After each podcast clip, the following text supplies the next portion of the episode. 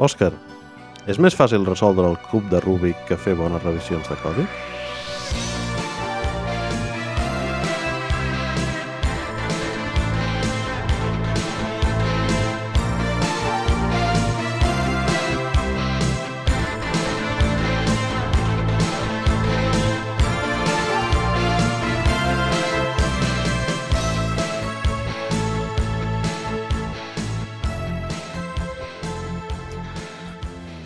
Mi no, perquè la veritat és que sense mirar les instruccions no he sigut capaç de resoldre'l mai. Però m'imagino que vas una mica per, per quins són els criteris no? que fem servir a l'hora de, de revisar codi, de quina, de quina manera ho fem més eficient i sobretot quines són les coses que, que acabem comprovant i acabem revisant. No? Jo crec que sí que hi ha com una tendència a parar atenció a aquelles coses que podrien estar automatitzades, potser, que temes d'estil, temes de... O sigui, que podria ser part de la pipeline de, dels pull requests o dels merge requests i deixem una miqueta a banda um, aquella lògica que s'ha implementat. O sigui que crec que bueno, hi, ha, hi ha feina per fer. O sigui, generalitzant, eh? Vull dir, hi ha casos en els quals crec que, que es fan molt bones revisions de codi, uh, com per exemple en segons quins projectes de programari lliure, però, però sí, crec que en general el, el món de la de l'empresa, el, el món enterprise, de revisions de codi podrien millorar. Estic, eh, estic agafant una mica d'embranzida de, per intentar per intentar obrir molts melons i, i, i, i, uh, i tenir una, una, una opinió una mica controvertida al voltant de les revisions de codi. Però abans vull fer-te una pregunta. Um, per què? Per què es fan revisions de codi? Perquè crec que una mica la meva perspectiva és que hem perdut una mica el nord de quina era la motivació inicial pel qual vam començar a, a, a seguir aquest procés. I com, com sempre, com sempre que tenim una, una situació on ens, on ens, on ens oblidem de, de per què fem una cosa, doncs podem acabar fent-la per inèrcia en lloc de per, per motius eh, sòlids, diguéssim. Però per, per què? Crec que realment les, les revisions de codi, quan, quan treballes amb, amb projectes en els quals diferents desenvolupadors estan separats tant en el temps com, amb el, com en l'espai, no? posant-me posant metafísic, um, tenen sentit. Vale?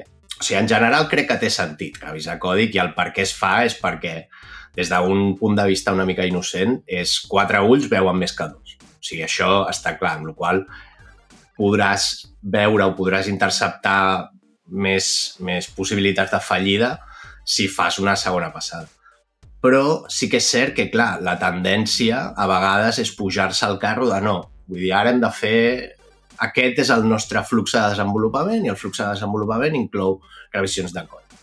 Hi ha maneres de treballar que no han de que, que no tenen aquest pas, no? Quan, per exemple, treballar fent molt per programming, ja tens una revisió constant en la qual per què ha de passar per un altre punt de vista? Potser és una qüestió de confiança, el fet de no, s'ha de revisar, s'ha de revisar a través de molts més equips per poder tenir aquest grau de certesa, però això desemboca també en altres problemes, no? que és, estàs fent que gent que té unes altres responsabilitats dediqui un temps a fer una tasca que ha de ser bastant precisa, de ser bastant acurada, i potser no li poden dedicar aquest temps. Llavors les revisions de codi que acaben desembocant en ser algo més superflu, no? en revisar estil, en revisar ui, a mi m'agrada que aquesta classe es digui tal en comptes de no sé què vale? però realment el que s'ha d'anar en profunditat és aquella lògica que s'està modificant. Uh, no sé, crec que hi ha molt... O sigui, ja directament amb la pregunta has obert molts melons, així que enhorabona. però, però tirem, tirem del fil perquè crec que hi ha, que hi ha cosa a treure d'aquí. T'anava a preguntar just a continuació sobre quina és la connexió que veus entre code reviews i pair programming, perquè crec que la meva perspectiva és que és que amb el pair programming eh, hi ha molts valors eh, diguéssim eh, que succeeixen per accident però que són molt positius, com per exemple millorar un onboarding o, o distribuir el coneixement sobre un component específic i tot això, que de vegades, tal com hem plantejat els code reviews, no, no funcionen. No, no, aquestes coses no, no, no acaben en, el, en els code reviews tal com s'estan fent en moltes empreses o en molts projectes crec, tinc una mica la sensació que molta gent ha adoptat el code review com un pas més del workflow de desenvolupament, de vegades amb funcions de gatekeeping o de vegades amb, amb una idea darrere de falta de confiança gairebé, en lloc d'utilitzar-lo com una oportunitat d'aprenentatge on jo crec que sí que aquí ve el valor gran. Òbviament, oportunitat d'aprenentatge i, i, i caçar, caçar coses abans de que passin perquè les veuen més ulls. Està, està claríssim però crec que portat a l'extrem, quan no qüestionem o quan no, ens, quan no ens recordem de quins són els valors més intrínsecs en quant a aprenentatge i en quant a millora de resiliència, fàcilment es gravita cap, a, cap als problemes de confiança o cap a, cap a funcions de gatekeeping que realment són, són, són passes addicionals que acaben retrasant doncs, un release o, o coses així. Sí, sí, totalment. O sigui, ets, vull dir, anant, anant una mica a punt a punt, no? Vull dir, la relació o, o la... O la bueno, la relació entre per programming i, i code review jo crec que és intrínseca. Vull dir, el, la revisió de còdic va lligada i forma part del procés de per programming, perquè el fet de que dues persones estiguin treballant a la mateixa vegada vol dir que és un intercanvi d'opinions. Uh -huh. vale? I aquest intercanvi d'opinions, aquest, aquesta crítica, aquest poder observar, aquest poder dir allò m'agradaria o crec que s'hauria de fer d'una manera. Ja és, o sigui, és real time. Vull dir, no, no és en, en diferit, saps? O sigui, és en aquell precís moment, amb el qual ja s'està fent. Vale? Crec que aquesta, aquesta relació, en aquest, en aquest punt crec que el code review és, és part d'aquest procés. Per què crec que no està tan extès el fer per programming o es fa per programming i després es fa code review. Raons que se m'acudeixen amb les rotacions que existeixen entre diferents equips. Vale? Molt difícilment hi ha el concepte, el concepte en anglès de subject matter expert, amb, amb molta rotació es dilueix. Vull dir, acabes tenint equips que acaben tocant moltes parts del còdic durant intervals no lo suficientment llargs com per tenir un, un ownership, no? una propietat sobre, sobre aquesta part de, del projecte, amb la qual no et queda més remei que ampliar una miqueta la manera, la manera en la qual es revisa i t'assegures que això va a producció. A títol personal, no m'agrada gaire, o sigui, crec que la rotació és molt positiva, o sigui, la rotació i poder canviar de context de tant en quant és positiva, però sempre s'ha de tenir una mica de, de coneixement, perquè així evites el gatekeeping, saps? O sigui, en el moment en el qual um, hi ha un equip que es manté com a propietari, com a owner d'això, el, el, pot haver-hi situacions les que s'encorreixen això, no? Però, però ja no tens aquest punt de desconfiança al qual, ui, tothom està tocant aquí, hem de revisar-ho, perquè llavors ja no hi ha uns estàndards a l'hora d'avaluar aquest, aquest codi que s'està que s'està posant subjecte a, a revisió. Una opinió controvertida, o la meva primera opinió controvertida, que, que segurament em farà buscar-me molts amics, és que jo crec que tal com es plantegen els code reviews avui en dia, mmm, molts d'ells són completament inútils. Um, per moltes vegades, molts dels comentaris que existeixen en code reviews dins d'empreses o dins d'alguns equips són comentaris que si tinguéssim com deies al principi tu, un bon bones convencions, un bon linter, eh, coses que verifiquen l'estil de, de programació i, sobretot, molt més important, uns agreements, eh, uns acords forts en quant a arquitectura o convencions de modularització o d'estructura de, o de dades o de dominis, molts d'aquests code reviews desapareixerien. Sí que, òbviament, quan hi ha una persona que és menys experta en el que s'està fent o que porta menys temps a la feina o que havia de fer una cosa amb presses, eh, aquesta persona o un code review fa que puguis garantir que aquesta persona no s'està saltant aquestes convencions o aquests acords o, o, o aquestes coses. Però, però crec que en una gran part dels casos eh, molts dels punts de feedback que, es, que, es, que surten en els code reviews indiquen una manca d'altra feina accessòria que també forma part de la feina de, de l'enginyeria mm, i que no, a la qual les empreses no hi dediquen prou, de temps, prou temps, potser per la rotació que tu deies o potser per, per altres mentalitats eh, que es tenen. No dic que no hi creguin els code, code reviews, però dic que tal com estan plantejats ho veig com un pas eh, que de vegades crea molta fricció innecessària. Et donaré, et donaré la raó no, perquè, no, no, perquè no ja pot... em sap greu. No, és que no, no pot ser, no pot ser que ens donaran feedback una altra vegada.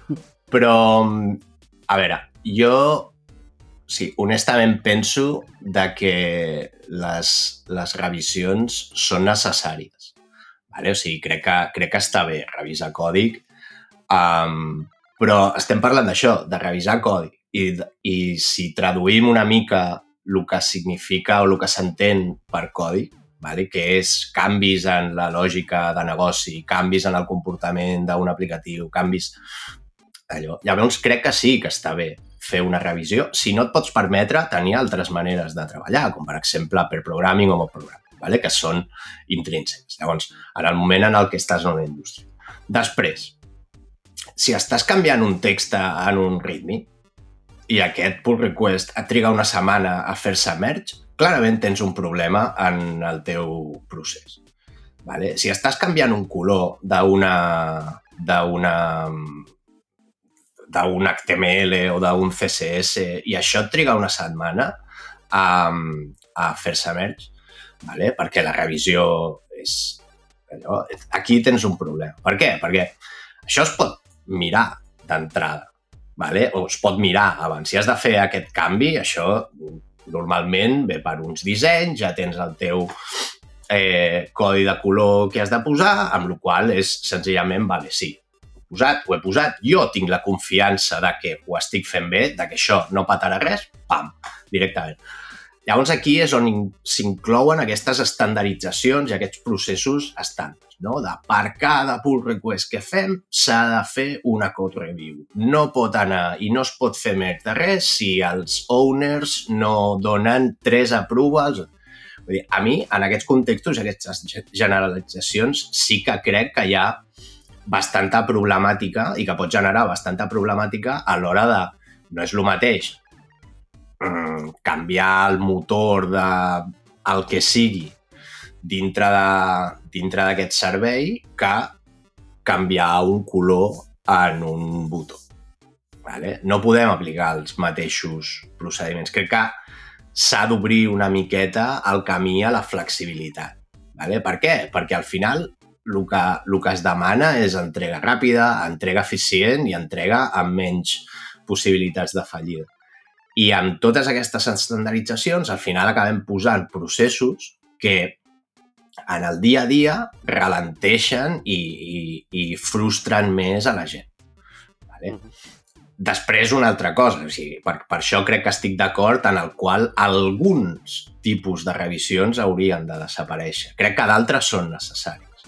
Vale? I crec que d'altres, quan toques parts molt core de, de segons quins serveis, crec que és necessari també el que comentàvem i amb el que obríem, no? Vull dir, jo crec que hi ha moltes parts que s'estan prenent com a crítiques importants en una revisió de còdic són coses que senzillament podrien estar automatitzades. Vull dir, estem a l'any 2024, vale? no estem al 1970.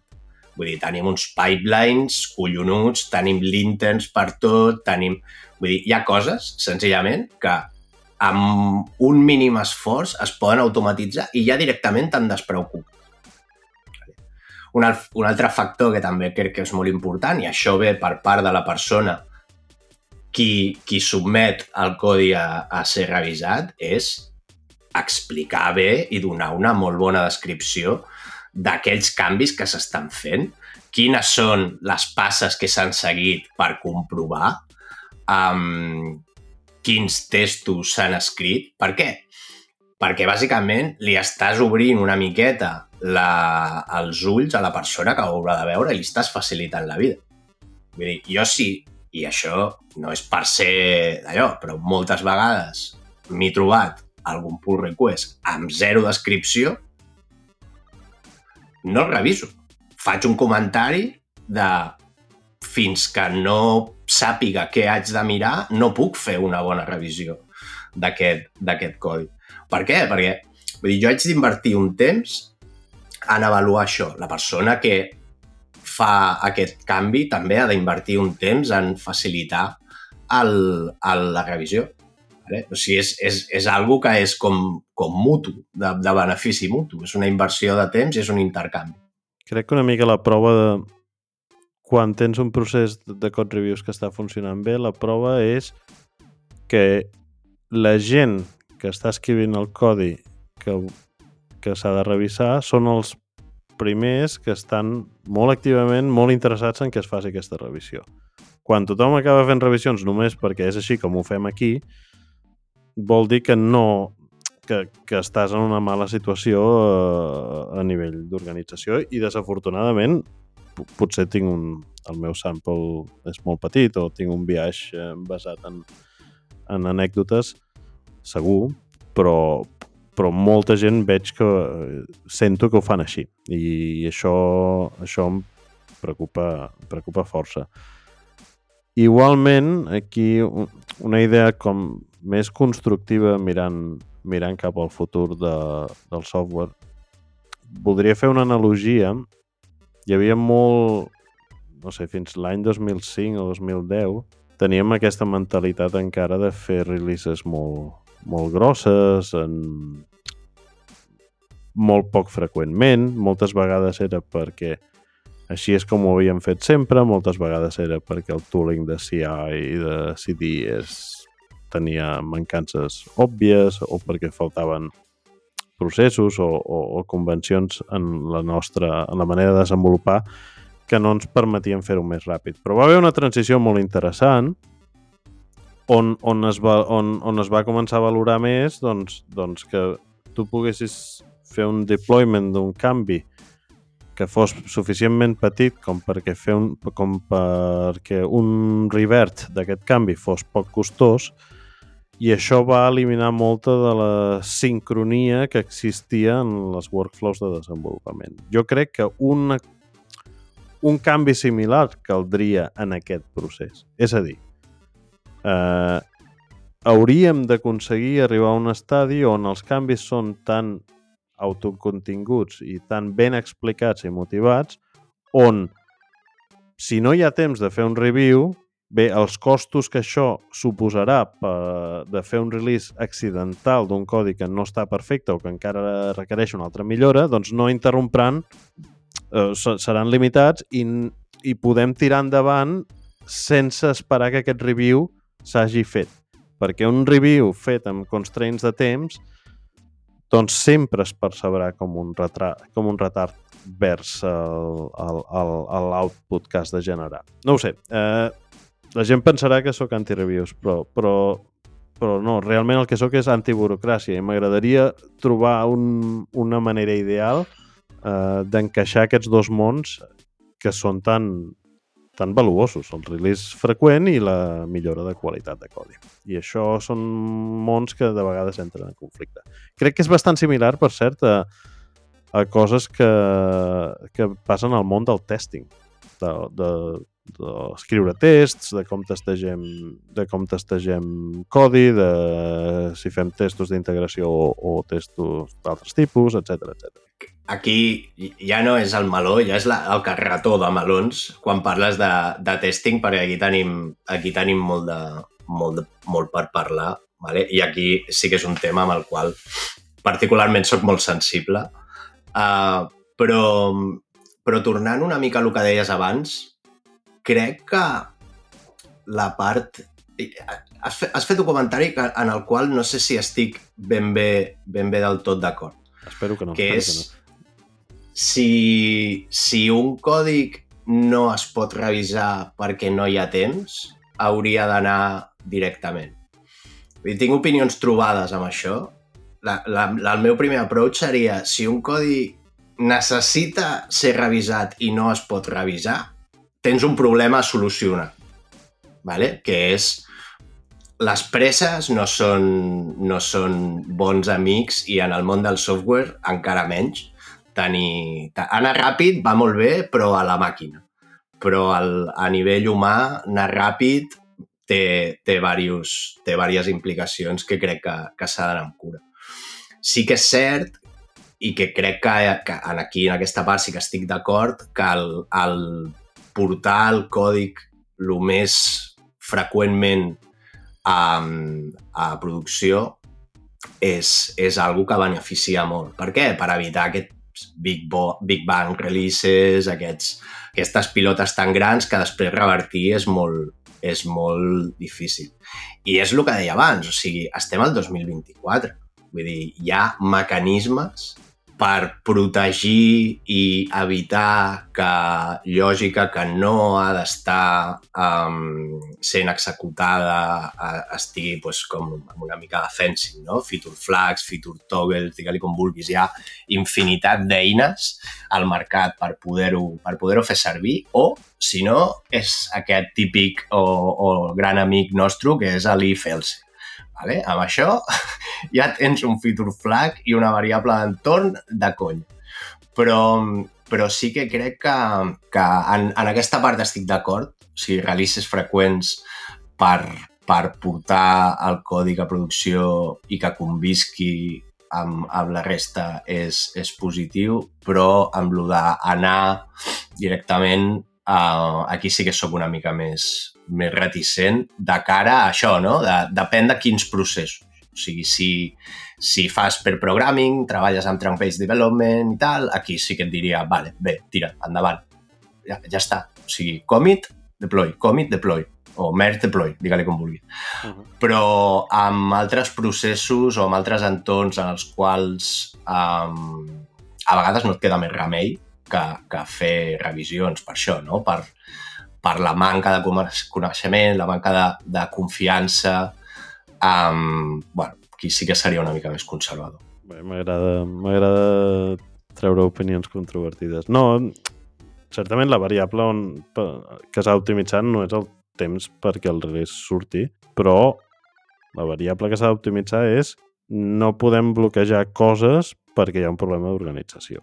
I llavors, eh, mm, llavors jo el que, el que vinc a dir és que moltes vegades les empreses no tenen la banqueta necessària com perquè aquests reviews es facin amb el rigor i amb el timeliness correcte i moltes vegades la única solució si volem fer les coses seguint el llibre és esperar i esperar i esperar i esperar.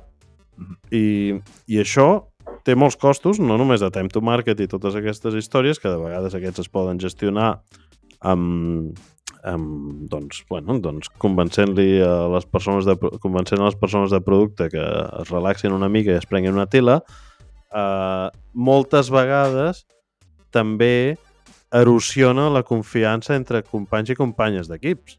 I això és, és desastrós. Igual, ja, per, per tornar a obrir melons, també hi ha code reviews d'aquests que, que, que, que de vegades veus coses que dius va, aquestes dues persones no es parlen, no, es, no confien mútuament, no, no confien entre elles i s'estan donant feedback a base d'indirectes.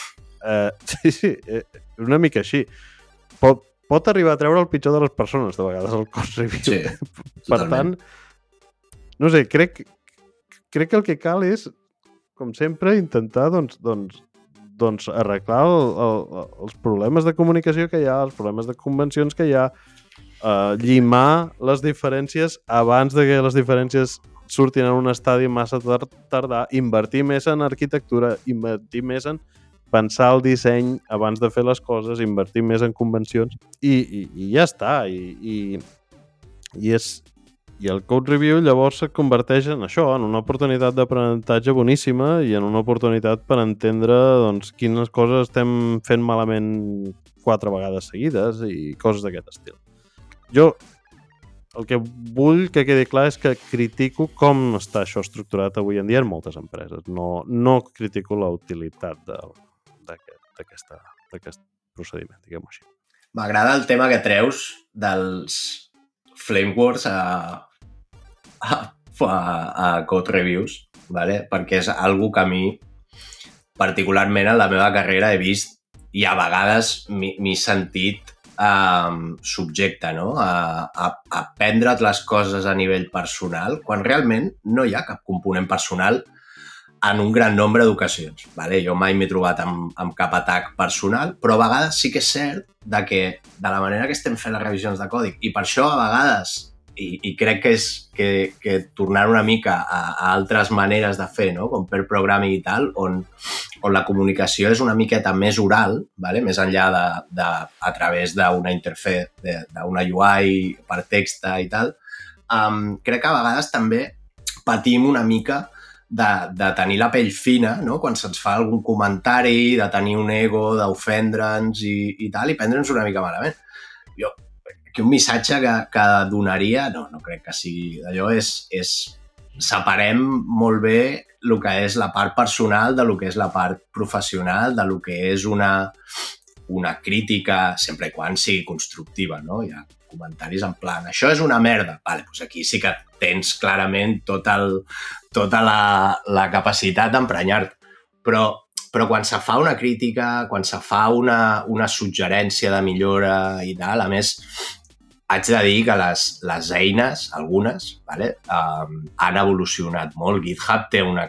O sigui, et permet fer uns code reviews amb suggerències, amb, vull dir, és, és, és collonut el, el com han evolucionat. Vale? N'hi ha d'altres que també s'han quedat una mica en el Pleistocè, vale? no diré noms, però, però n'hi ha que, que et permeten fer code reviews molt bé i, i et permeten aportar moltíssim i, i aprendre. Llavors, separar aquesta part en la qual um, el component personal del component del component professional o del que realment s'està mirant és, és bastant important. Després, clar, si tens dues persones que ja es cauen malament, clar. estan treballant en el mateix equip i cada vegada que hi ha un pull request eh, allò es converteix en la batalla de les termòpiles, doncs potser el problema no és el procediment i el code review i el problema arreglar està en, en una altra capa del pastís. Però, bueno. Pot, ser... Jo crec que si tens uns mals referents, algú que sigui sapastre donant feedback o que, o, o, o que fins i tot no, o que no sigui constructiu i que, i que se centri en, en la història passada en lloc de en el codi que s'ha de revisar avui, diguem-ho així. Uh -huh.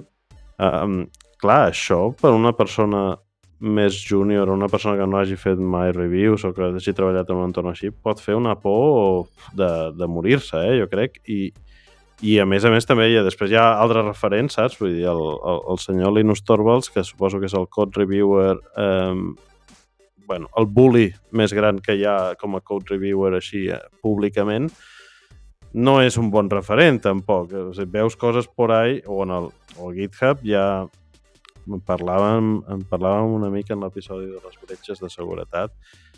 Hi ha gent que té una manera de donar-se feedback sobre projectes i tot això que, que acaba creant un, un, un, una manera de treballar que pot ser una mica tòxica. Per tant, jo crec que calen referents de, mira, això és un bon correu. Mira, mira, mira, del, mira el que vam aprendre quan vam fer això, o mira el que se'ns estava escapant i tot això ho vam, ho vam aconseguir solucionar. Calen referents i cal, i cal com com en totes aquestes eines o processos de col·laboració, cal utilitzar exemples que demostrin el valor i que demostrin el valor construint i, i eliminar una mica molta de la palla que hi ha al voltant. Hi ha molts exemples de, de bones i males pràctiques. A mi, jo, i particularment, a mi m'ha ajudat moltíssim en, en, la meva, en la meva carrera el fixar-me i contribuir en alguns projectes de, de programari lliure on realment te n'adones de que és això, no? La, el teu còdic l'està revisant algú que et coneix zero, que s'està centrant en revisar el que has fet, els canvis que has fet o que has, o que has promogut. Vale? Te'n pots trobar que són super agraïts, que són més verbosos a l'hora de, de donar-te feedback i després et pots trobar el, el, el, el morse, no? El... Això està bé. El LGTM. Uh, vull dir, hi ha, hi ha molts, hi ha molts d'allò. Després també et pots trobar gent que et dona feedback ja no sobre el còdic, sinó com has obert aquest pull request. I això també és molt important. I tant. Perquè enllaça una mica amb el que, amb el que et comentava abans, no? Vull dir, aquí ets tu, des de casa teva, al teu ordinador, proposant un canvi a un projecte que no és teu, que no mantens tu i que pot comportar uns riscos, amb la qual estàs, en certa manera, obligat o tens la responsabilitat de vendre bé aquest canvi, d'aportar tota la informació que sigui possible, de inclús passar-te de verbositat a l'hora de l'explicació, perquè els mantenidors d'aquest codi ho agrairan. Vull dir, els estàs donant i els estàs facilitant molt la vida a l'hora de, de fer això. Això ho pots extrapolar al, a, la teva, a la teva experiència professional, al teu equip de desenvolupament, amb els teus projectes, i crec que tampoc fa falta escriure eh, el Quijote en, en un... Vale? S'ha de ser concís i donar la informació que sigui i que aporti valor a, a això. Però realment hi ha molts bons exemples en la comunitat de programari lliure que poden servir com a molt bons referents. Mm -hmm. Correcte. Molt bé. Hem arreglat el món o, o encara no? Doncs no ho sé, però la veritat és que malons en tenim per emplenar un camió. O sigui que Parlem, parlem aviat. Gràcies, David. Fins a la propera. Fins aviat.